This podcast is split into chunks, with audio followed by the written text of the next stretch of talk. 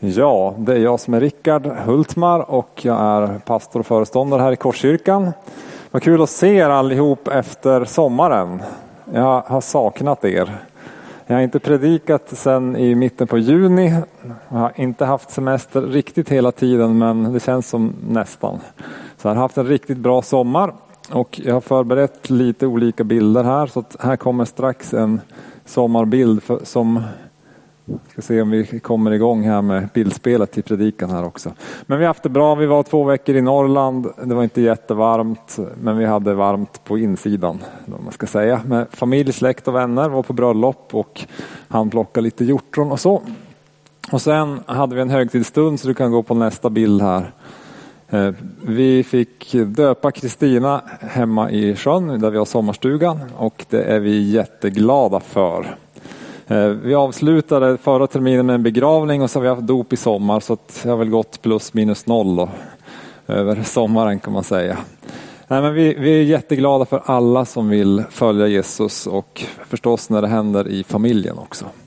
Eh, Vår äldsta dotter Caroline har vi varit med som församling och sänt till Tensta. Så hon har varit där tillsammans med Sarah Berry och team från lite olika håll under sommaren. Och vi har besökt några gånger också. De hälsar så mycket. Vi har spelat in ett litet vittnesbörd igår som ni kommer att få se nästa söndag förhoppningsvis eller någon söndag därpå. Men jag kan i alla fall läcka att de har fått, fått leda två människor till tro på Jesus under sommaren och ha ett liksom utvidgat kontaktnät så här. Så det är jättekul. Jag är jättepeppad för den här terminen. Jag har jobbat här nu i två år. Tiden går fort. Så har vi Jessica och Lars-Göran som har liksom, Lars-Göran närmar sig ett års jubileum här som pastor och Jessica har passerat det här i juli. Så vi är liksom ett team som har jobbat ihop oss. Vi är en församling som är liksom, ja men, på tårna och blickar framåt på lite olika sätt. Jag satte som tema före sommaren tillbaka till framtiden. Jag vet hur det brukar vara på sommaren. Man liksom eh, i det vanliga och eh, håller på med sitt och tänker på sitt och så slappnar man av så här. Men nu är vi här och mm, det är liksom en signal att nu kör vi som, som församling. Eh, Ni kan ta nästa bild det här, Tillbaka till framtiden, det var en film som kom på 80-talet. och den här predikan ska inte handla om den filmen. Så vi behöver inte vara oroliga för det. Men jag tyckte den var väldigt bra. Eh, så vet ni det, då i alla fall. Det, det man kan ta med sig från, från det, om ni har sett filmen, så är att det, det vi gör nu påverkar framtiden. Jag ska inte försöka förklara filmen för det tar hela predikan för det är ganska komplicerat. Men, men det vi gör nu får konsekvenser för det som händer sen. Och därför så tror jag att vi behöver ha en blick framåt och vi ska prata lite om det här idag.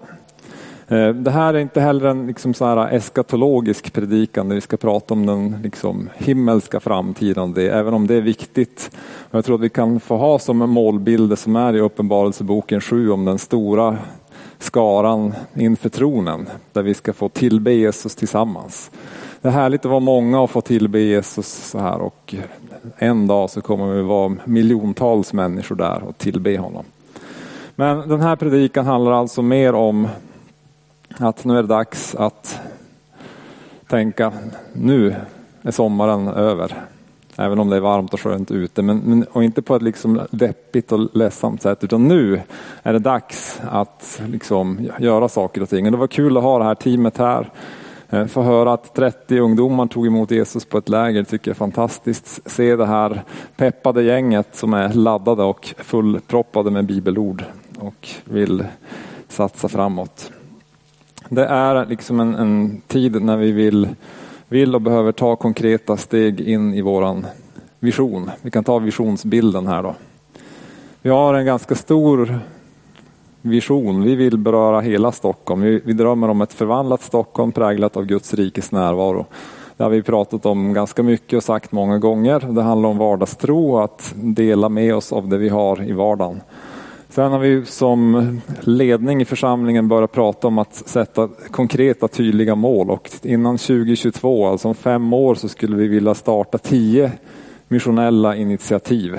Och det innebär alltså att vi, precis som vi gjort i Tensta, att vi skickar några människor till ett område, till en plats, in i en subkultur, in i en grupp människor för att möta fysiska, själsliga, andliga och praktiska behov. Och att möta det med evangeliet, med de goda nyheterna om Jesus Kristus. Om det här ska bli möjligt så behöver vi en strategi och den håller vi på att jobba med som församlingsledning och pastorer. Och kommer återkomma till det i både församlingsforum och olika ledarsamlingar under hösten här och även på församlingshelgen som kommer i slutet av september. Så ni kommer att få höra mer om det. Så ni kan känna er lugna om ni inte förstår eller fattar just nu. Det kommer att klarna. Vi har en plan, man säger så. Så det kommer att bli bra. Eh, vi kan ta nästa bild här. Om det här ska bli möjligt så tror jag, så tror vi att Korskyrkan behöver få vara en plats för sändning och påfyllning. Om vi ska jobba med en, en vision av vardagstro så, så behöver Korskyrkan få vara en missionsstation. Ett centrum för en Jesusrörelse. Jag har liksom sugit på det ordet här i sommar, Jesusrörelse. Det tycker jag känns spännande. Liksom, för det är Jesus i centrum och så börjar det röra på sig. Och det är det man ser i Bibeln och vi ska titta på det lite grann här idag. Men vi behöver, ha, liksom, vi behöver göra det vi gör här bra och med hög kvalitet för att kunna sända människor, träna människor, utrusta människor. Och vi behöver förstås både lokaler och ekonomi för, för de sakerna. Men vi behöver också få vara en plats för påfyllning. Att det får vara en plats dit vi får komma tillsammans som församling som idag och tillbe Jesus och be låt himlen komma, låt ditt rike komma. Tillbe Jesus, uppleva hans härlighet, få se eh, under och bönesvar, att det får vara en atmosfär av bön och när man kommer så och kommer hit och när man går härifrån så får man uppleva att ja, man, någonting har fyllts på i mig av Gud, av Jesus. Så det tänker vi att vi behöver ha. Och eh, vi kommer att jobba med det här. Vi börjar med att träna ledare för framtiden och träna arbetare för uppdraget. Så det är det vi ska syssla med här närmaste tiden tillsammans. Bara så att ni vet. Sådär.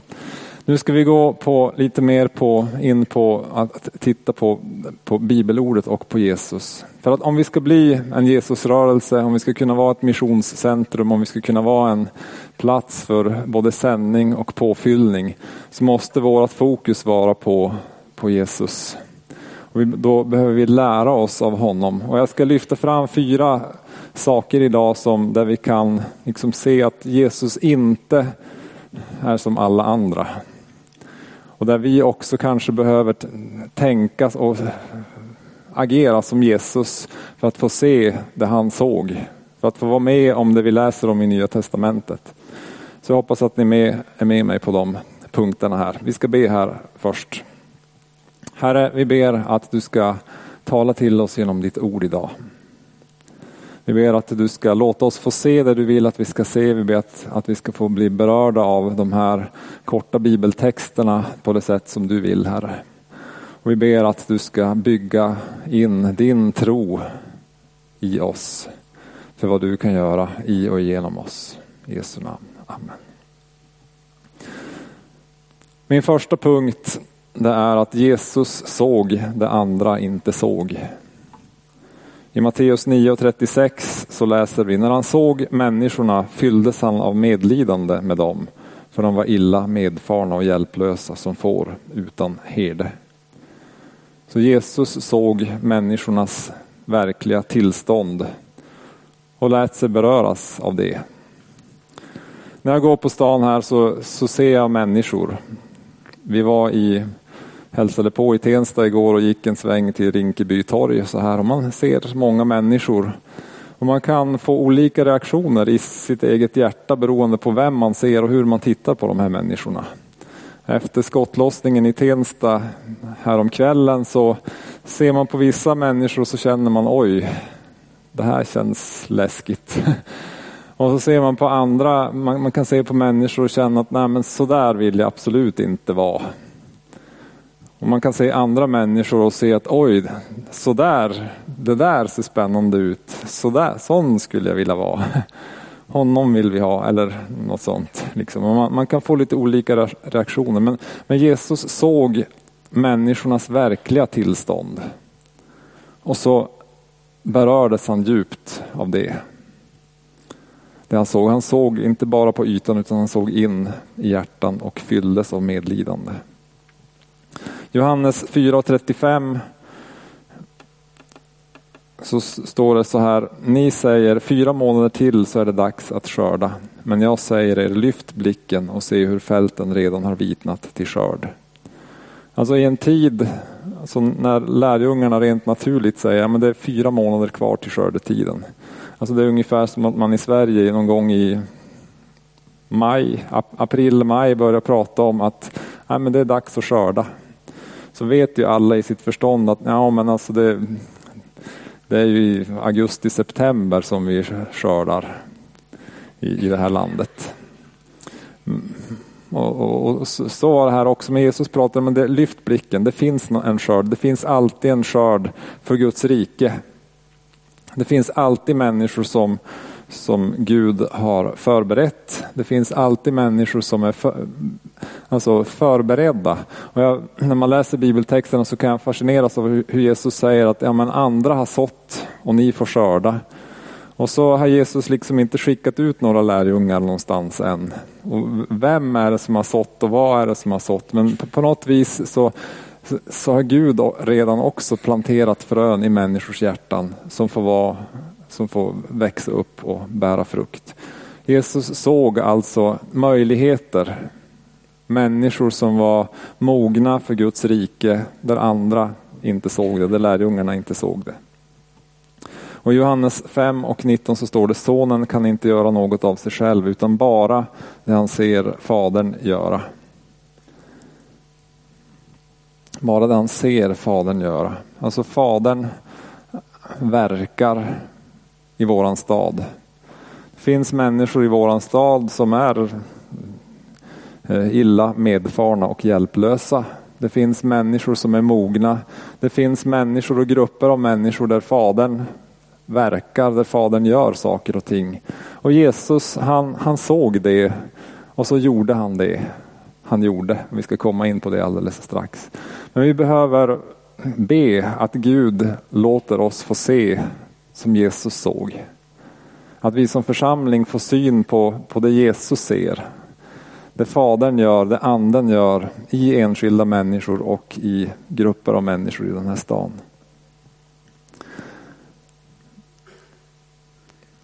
själv så, så är just den här bilden av en Jesusrörelse och människor som kommer till tro i Stockholm.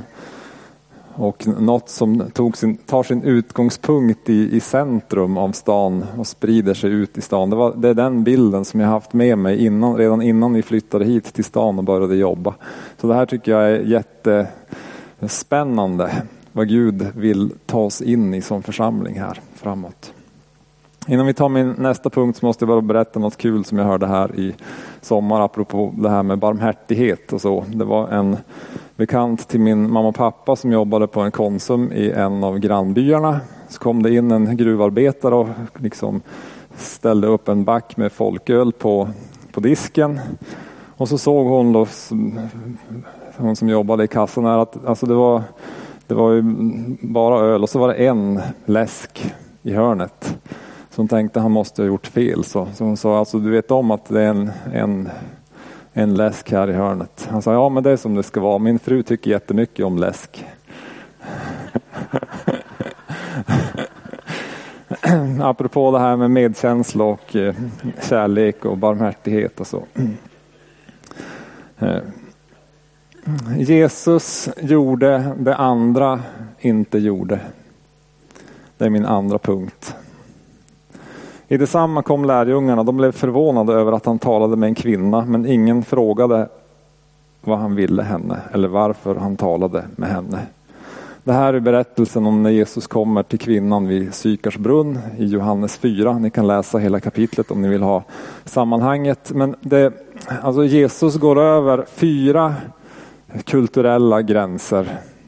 Fyra tydliga gränser som andra inte ville passera för att möta den här kvinnan. Alltså det är en geografisk gräns som går in i Samarien. Det är en religiös gräns, de hade en annan religion. Det är en, eh, måste jag titta i anteckningarna här, det är en kulturell gräns för de hade en annan kultur. Och så är hon kvinna, så det är liksom också en könsbarriär för, för en judisk man skulle inte prata med en ogift kvinna sådär ute i det öppna. Så fyra, fyra gränser som Jesus passerar för att dela evangeliet med den här kvinnan. Och så kommer de in i samtalet och så, och så sår Jesus fröet i hennes hjärta och säger var och en som dricker av det här vattnet blir törstig igen. Och så pekar han på brunnen där de sitter. Men den som dricker av det vatten jag ger honom ska aldrig någonsin törsta. Det vatten jag ger skall i honom bli en källa som flödar fram och ger evigt liv. Han korsar alla de här gränserna för att säga det här till henne. Sen fortsätter samtalet och jag tänker inte predika hela den texten. Men det slutar med att hon inser att Jesus är Messias. Och så går hon in i stan, berättar om det här och så kommer alla de andra för att lyssna på Jesus och så får alla de andra här möta honom. Så ett samtal, ett budskap, ett frö och så berörs ett helt område, en hel stad av evangeliet. Vi behöver göra som Jesus gjorde. Vi behöver våga dela evangeliet med människor. Och vi behöver våga sända människor som, som inte har liksom alla kvalifikationer på plats. Jag återkommer till det, men den här kvinnan hade verkligen inte kvalifikationerna. Hon hade hört det här. Hon hade haft fem män. Hon var som samarier och hon gick och berättade och fick vara sänd av Jesus. Jag läste här i veckan från Hebreerbrevet fjärde kapitel två versar som berörde mig väldigt starkt igen. Där det står så här. Ty vi har inte en överste präst som ej kan ha medlidande med våra svagheter utan en som blev frestad i allt liksom vi men utan synd.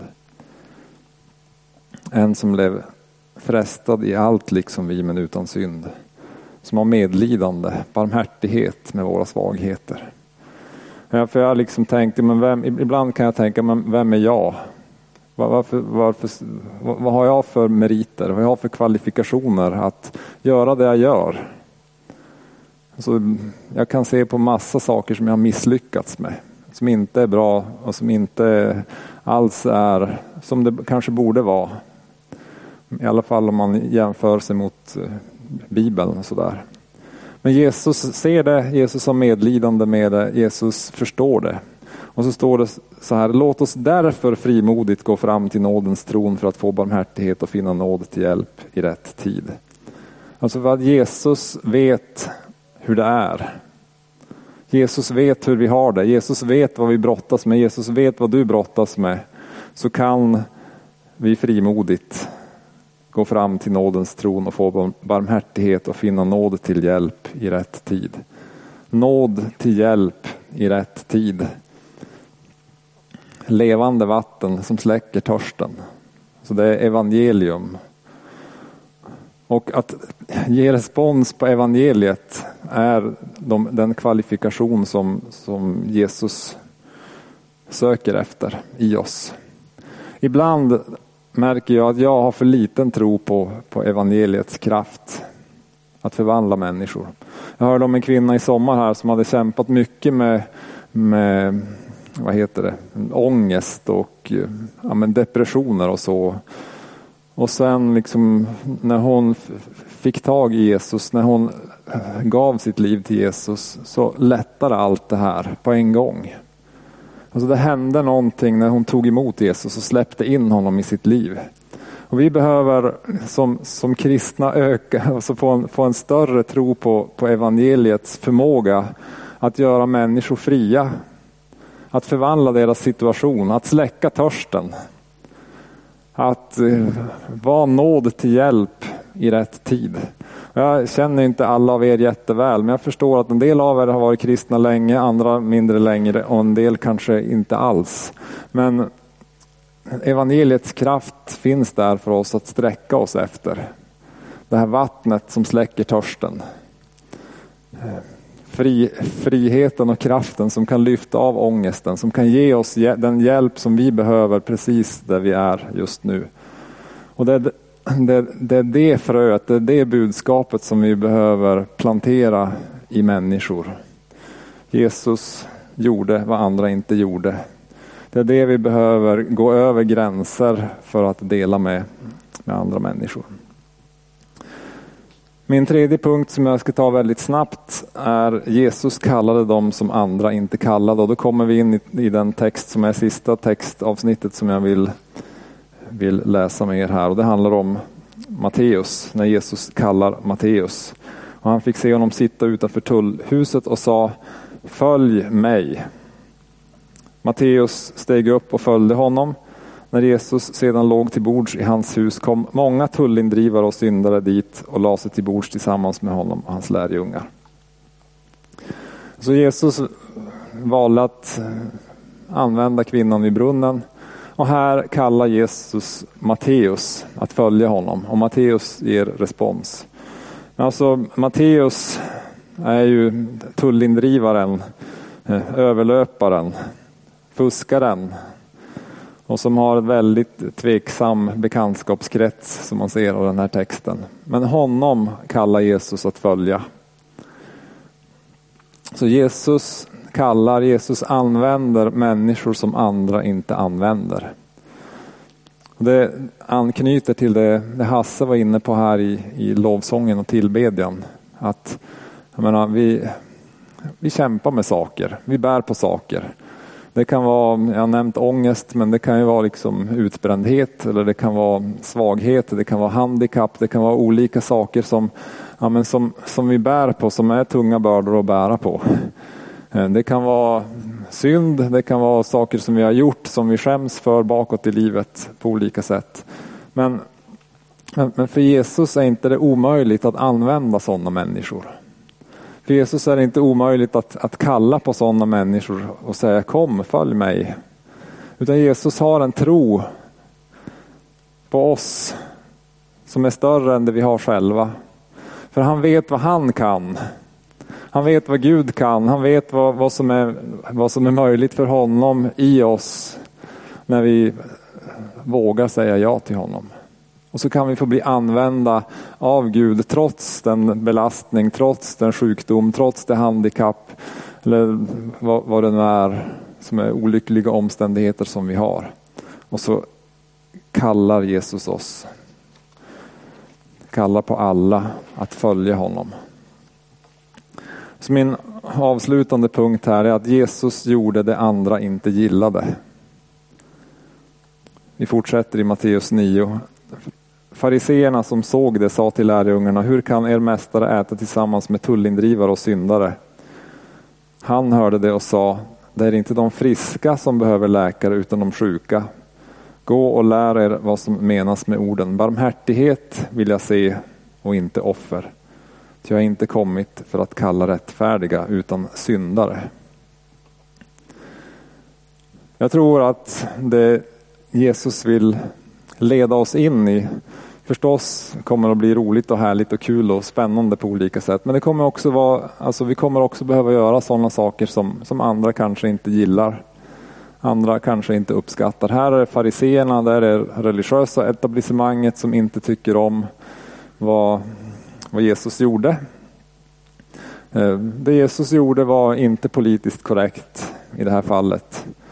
Alltså, han, om man ser det från judarnas sida så så ja, men, umgicks han här med tullindrivarna som, som var de romerska, alltså som, som tjänade romarna och romarriket och drog in pengar till den förtryckande staten. Så, här.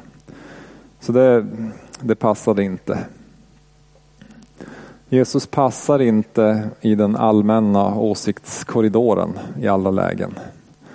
Eh, och i, väldigt ofta i Nya Testamentet så verkar han inte bry sig särskilt mycket om vare sig vad eh, romarna, Herodes tycker eller vad judarna och det religiösa etablissemanget tycker. Utan han, han bryr sig om vad fadern tycker. vad, vad Gud gör, vad Gud vill göra. Det vi kan se här att Jesus kallar synd för synd. Han kallar dem som han möter för syndare. Och ändå så är han bjuden på festen. Det tycker jag är spännande. Alltså hur, hur kan vi liksom eh, ha den, hitta den vägen med evangeliet? Att vi kan kalla synd för synd, att vi kan utmana mörkret som behöver utmanas och samtidigt bli bjudna på festen. Det, det är det som är liksom vägen framåt för oss. Att, att kunna vara tydliga med evangeliet, tydliga med sanningen i alla sammanhang. Men ändå älska människor, ha en sån barmhärtighet till människor att vi blir bjudna på festen. Den vägen är spännande att hitta, tror jag, i den här tiden där vi är nu. Vi behöver hitta vägar för att dela evangeliet utan att tappa innehållet, utan att tappa, utan att tappa kraften. Men ändå bli bjudna på, på fest. Utan att bli varken för världsliga eller för religiöst fyrkantiga. För Jesus, han vill komma med läkedom.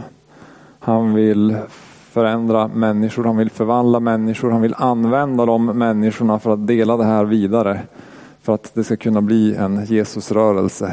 Vi vet att det Jesus gjorde, det blev en Jesusrörelse som vi, som vi är ett resultat av. Det är därför vi är här, för att människor i alla tider har fortsatt att tro, fortsatt att dela evangeliet, fortsatt att berätta om vem Jesus är, fortsatt att tillbe honom. Och det ska vi fortsätta med.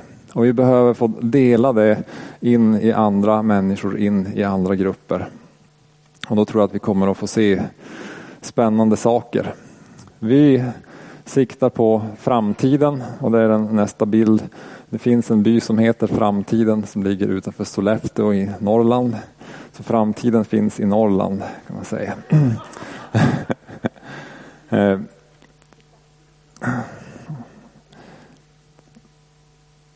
Hur kan du beröras av den här predikan? Så det, finns, det är tre personer som jag kan, bara kan lyfta fram här. Det ena är kvinnan vid brunnen. Alltså hon som behövde ta emot levande vatten, hon som behövde få sin törst släckt, hon som behövde få ett förvandlat liv. Så Jesus är här i sin församling och han vill, han vill fylla dina behov, han vill möta dig, han vill hela dig, han vill upprätta dig. Han vill ge något nytt i dig skapa nytt hopp, lyfta av ångesten, lyfta av det som är mörkt, det som är jobbigt. För att du ska få eh, nytt hopp, nytt liv, ny kraft. Det finns hos Jesus, det finns i evangeliet. Vi har Matteus här som kanske har en tveksam bakgrund och är lite osäker på om mitt sammanhang och mina vänner och min, min liksom CV duger för att följa Jesus. Jesus kallar dig att följa honom. Och öppna din bekantskapskrets för Jesus. Och sen finns Jesus också här som, som en förebild för oss, som ser det andra inte ser. Som vågar korsa gränser som, som andra inte vågar korsa. Vågar, vi be om, vågar du be om att, att få se det Jesus ser? vågar du också då gå när du ser det Jesus ser. Vi är en församling här och vi, vi blickar som sagt framåt mot framtiden och vi drömmer om att få se det här hända, att hela Stockholm får bli berört av Guds rikes närvaro. Vi drömmer om en Jesusrörelse och det är det vi kommer att jobba med och predika ikring på lite olika sätt. Värderingar och undervisning och träna ledare och göra, göra massa sådana saker. Så kommer vi att be och så kommer vi att ge möjligheter. Vi tänker inte tvinga någon ut på gatan. Vi kommer att ge möjligheter att hänga med ut både till Tensta, till andra ställen och kanske till andra delar av världen här under det här året som kommer för att dela evangeliet och för att be för människor. Och vi hoppas verkligen att vi alla hakar i här och står med i det här som vi som församling vill göra. Amen. Jesus, vi tackar dig för ditt ord. Vi tackar dig för att du är den du är. Tack för att du ser det vi inte ser. Låt oss få se det. Jesus, jag ber också att du ska eh, hjälpa oss som, ja, som kämpar med olika saker att, att våga ta steg närmare dig. Öppna för att ta emot ditt levande vatten. Öppna våran mun och säga ja till din kallelse. Herre, vi ber att evangeliets kraft ska få vara med och förlösa en Jesusrörelse här i Korskyrkan. I Jesu namn, Herre. Amen.